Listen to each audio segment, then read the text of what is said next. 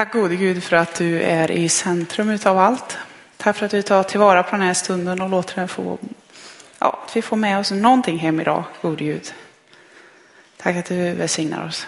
Amen. För ett tag sedan så, det var innan jag hade diskmaskin, så stod jag och diska och samtidigt så tänkte jag på liksom vart vår värld är på väg.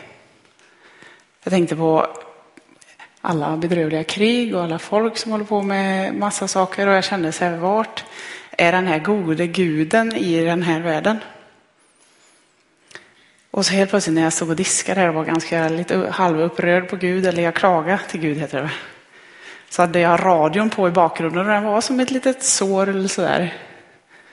Och mitt i det här så kommer en mening som bara, jag vet inte om ljudet höjde sig, men jag hörde den väldigt, väldigt tydligt i alla fall. Och det var en låt som sjöng att tappa inte hoppet, sluta aldrig tro på mig.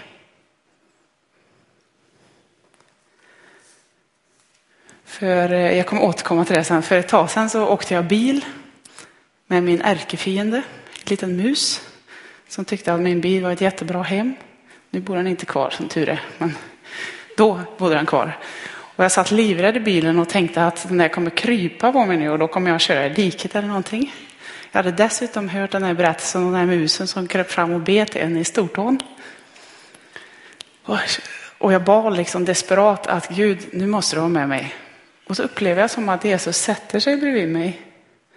Inte att, han, inte att jag ser att han sätter sig, men det känns som att han sätter sig bredvid mig. Så den här musen blev ju en välsignad mus i slutändan. och jag var även ganska nervös för en predikan som jag skulle ha då, så jag bad till Gud, Gud vad ska jag prata om egentligen? Och jag kände mig lite stressad och så säger Gud, du ska bara säga vad jag har sagt. Ah, så tänkte jag säga, Gud om det är något församlingen vet så är det att de vet vad du har gjort. Ja, du ska bara säga vad jag har sagt. Tre gånger fick han säga detta till mig och till slut så fick jag vara med på det och så gjorde jag det. Och den här gången så sa han det till mig igen, att du ska bara säga vad jag har gjort. Och jag, så tänkte jag, nu får jag göra det. Och för att förstå vad Jesus har gjort så måste man ju förstå situationen som var då när han kom. Vi kan börja med kvinnan. Hon var ju ägd av sin pappa. Ända tills hon gifte sig, då blev hon ägd av mannen istället. Så hon, hon hade inte rätt till att vittna och säga till om saker. Den som var sjuk fick, eh, speciellt om man hade lite större sjukdom, fick gå och plinga med en klocka. Så att ingen skulle behöva gå i närheten och bli smittad eller ingen skulle behöva kolla på dem om de inte ville utan de skulle plinga och ropa att här kommer jag. Barn var ingenting värda förrän som fyllde 12 år, om man då var kille. Då skulle man göra det här testet om man kunde eh, lagen. Det fanns en rabbinsk bön Rabbin är en, en hög lärare kan man säga. Så var välsignad vare du Gud att du inte skapar mig till hedning, kvinna eller slav. Det fanns ett talesätt om att det är bättre att vi bränner Moseböckerna än att en kvinna får ta del av dem. Vissa, inte alla, men vissa ansåg att kvinnan inte hade en själ. Och de enda som var värd någonting, det var de som hade liksom mycket pengar och så här var det i samhället. Och så kommer Jesus och så gör han allting fel. Eller rätt är det ju, men han gör fel enligt den situation som är där. För det första så blir han född genom en kvinna. Jag menar, han var Gud. Han hade inte ens behövt komma via en kvinna. För andra så väljer han att födas i ett stall när de enda som var värda något var de som hade liksom pengar och makt. Han väljer att gå fram till sjuka och lägga händer på dem. De som fick gå och plinga sig gick han fram till och la händer på och bad för. Man pratade inte med kvinnor som var ute och gick. Han gick fram till den här kvinnan vid brunnen där och pratade med henne. Det är en känd berättelse som ni, de flesta känner till, så jag tror. Han gjorde alltihopa fel. Och när barnen kommer så säger, och lärjungarna visar bort dem så säger Jesus att låt dem komma till mig för att himmelriket tillhör dem.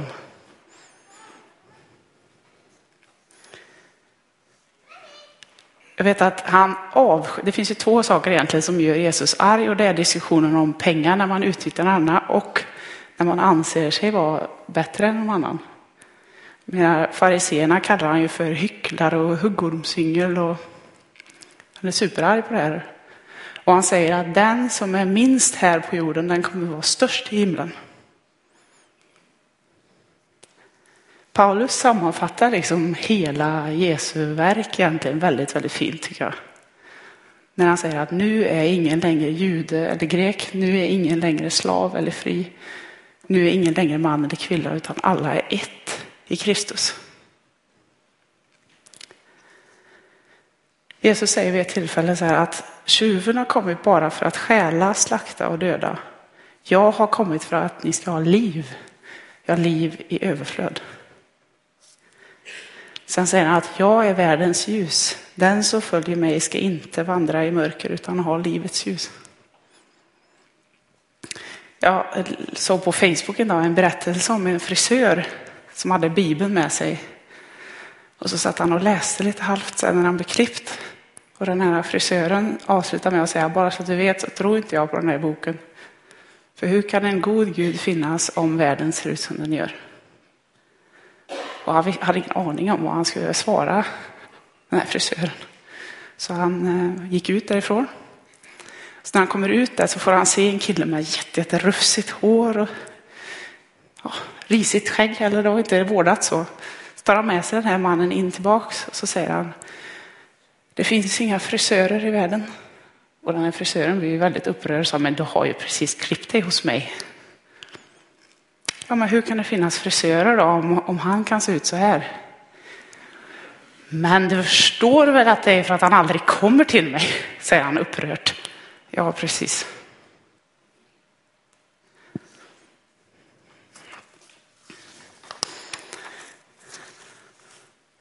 Jesus säger att den som följer mig ska inte få vandra i mörker utan ha livets ljus.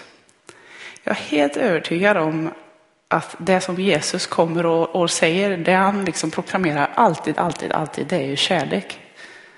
Han säger att det är två viktigaste saker du kan följa, det är att du ska älska Gud och du ska älska din nästa. Jag är helt övertygad, om alla följde dem så hade vi inte haft krig i världen. Vi hade inte haft maktbegär på samma sätt för att alla hade strävat efter att det inte skulle vara så. Habakuk, en profet i Gamla Testamentet. Förmodligen så är den skriven när de var i exil, alltså i fångenskap.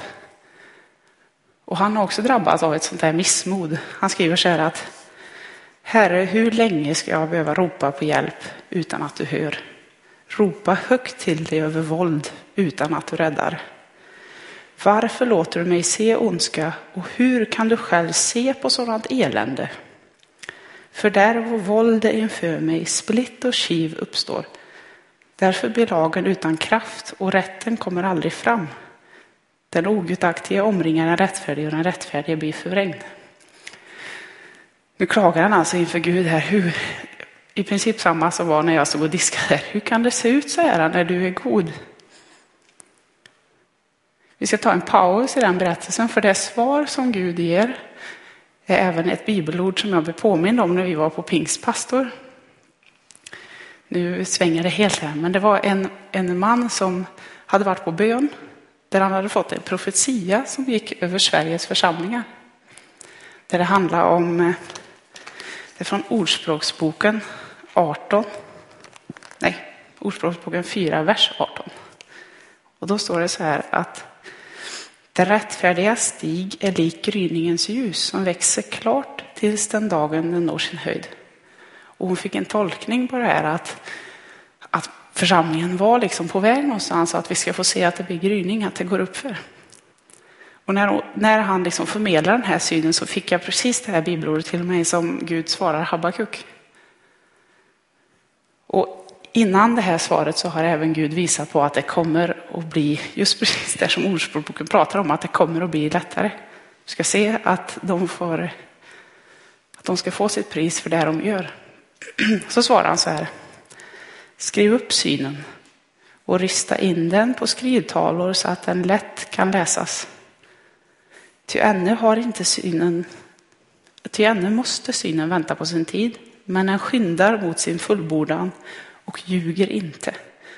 Den dröjer, vänta på den, ty den kommer helt visst och den ska inte utbli.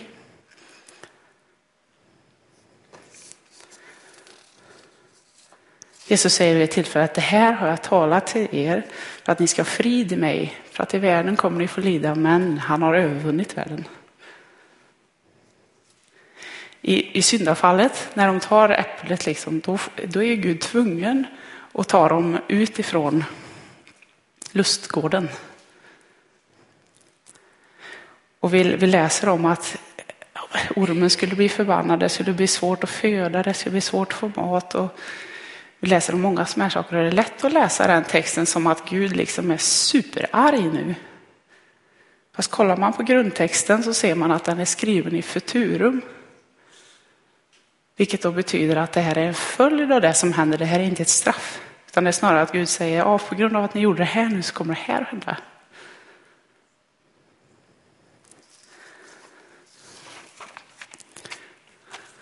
Men Gud ger ju inte upp där, utan historien fortsätter ju. Vi har Abraham, vi har Mose, vi har Jesua, vi har, vi har liksom massa olika och det har gått liksom upp och ner där eh, ibland går det bättre, ibland går det sämre. Riket delar sig, det ena faller. Och vi spolar framtiden och så ser vi den dag då Gud tar saken i egna händer. Och det är den dagen som vi har det mest kända bibelordet, Johannes 3 och 16. Det fanns en liten kille som var ute och tiggde pengar för att han hade inte pengar. Och så var det en kall kväll och han får syn på en polis sen och så går han fram till polisen och säger han, du jag vet inte vart jag ska sova i natt. Vet om det finns något ställe som är varmt som jag kan sova? Och då säger han, ja men du kan gå bort till det huset där borta och så säger du bara hälsa Johannes 3 och 16. Och han går dit och så knackar han på och så öppnar en kvinna och så säger han, jag ska hälsa från Johannes 3 och 16. Välkommen in min son, säger hon. Och så får han mat och så får han en varm dusch, nya kläder och han får sova i en varm säng. Så frågar hon han sen på morgonen, så här, vet du vad Johannes 3 och 16 betyder? Jag sa nej, fast jag vet ju att det gav mig mat i alla fall och värme och allt det här. Och så läser hon Johannes 3 och 16 för honom. Där det står Ty så älskade Gud världen att han utgav sin enfödde son för att den som tror på honom inte ska gå förlorad utan ha evigt liv. Inte sände Gud sin son till världen för att döma världen utan för att världen skulle bli frälst genom honom.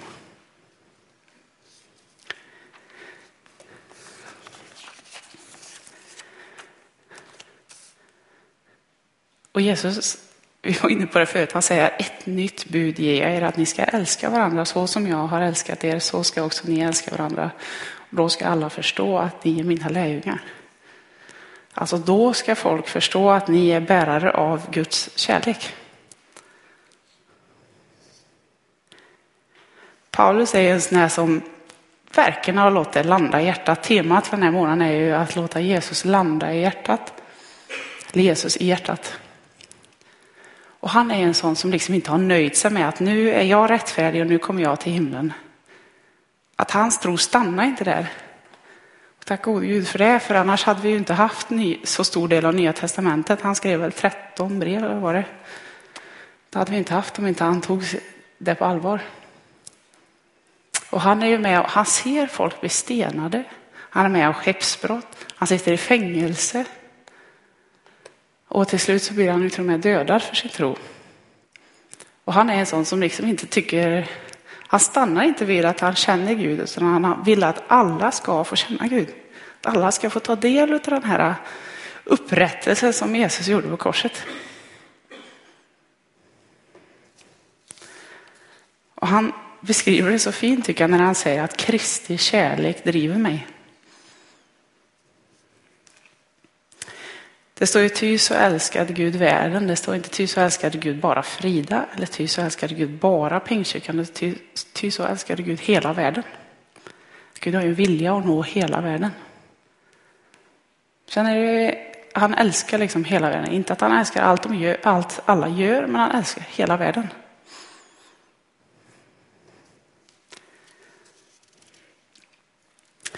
Det Paulus liksom är en förebild i det är att det får konsekvenser om Jesus får landa i hjärtat, om man får brinna för det, om man får, vill ta steg för att Guds rike ska bredas. Och det finns ett annat bibelord som jag tänkte att jag skulle avslutningsvis läsa som handlar om vad det får för konsekvenser när församlingen ber. Och det står i Jeremia 29 och 7.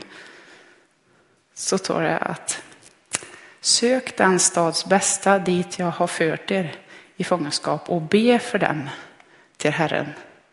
När det går väl för den så går det också väl för er. Det fanns en på pastor som sa, vad spelar det för roll om kyrkan ber? Har det betydelse om kyrkan ber? Uppenbarligen så har det ju det. Tänkte att vi skulle avsluta med att be tillsammans för Linköping, för Sverige och för världen. För att uppenbarligen så har det ju betydelse att vi gör det. Så vill ni stå upp så gör ni det. Vill ni sitta ner så sitter ni ner. Gode Gud, tack för det du har gjort för den här världen när du tar hela systemet och så kastar du om det till helt tvärtom. Gud, tack för att du aldrig lämnar ditt folk utan vi kan se att du har varit med igenom hela tiden. Och tack för att du en dag tog det i dina egna händer så att det får bli upprättelse för allihopa. Gud, vi ber för den här staden, för Lidköping, Gud, att det ska få vara en stad där folk får trivas, där kärlek får bryta den ah, Där kärlek får flöda över den här stan, Gud. Vi ber för de människor som sitter hemma och är ensamma, att de ska få en tid där de inte är ensamma mer, Gud. Att det ska få vara en tid när människor får drivas av kärlek. Tack för att vi får lyfta blicken och be för vårt land också, Gud. Tack att du är med Sverige, du är med alla inom politik, du är med inom sjukvård, du är med i allt Gud. Du är med alla människor som kämpar och som längtar att få bli bönhörda, De är du med Gud. Tack att vi får be för vår värld också Gud, att det här kaosartade som vi ser på nyheter, att gode Gud att du ska förbarma dig över det. Att de länder som är fyllda av krig skulle få tona av. Tack att du reser människor som får stå upp för kärleken och visa på kärlekens väg. Gode Gud. Tack att du välsignar våra egna hjärtan. För den här ivern som Paulus kände att det räcker inte med att jag vet utan de andra måste också veta så ber jag dig att vi skulle få, att den här elden skulle få tändas i våra hjärtan också. Så att det inte stannar där. Tack att du välsignar oss i den här veckan och de mötena vi får. Att du öppnar för möjligheter Gud att få sprida din kärlek.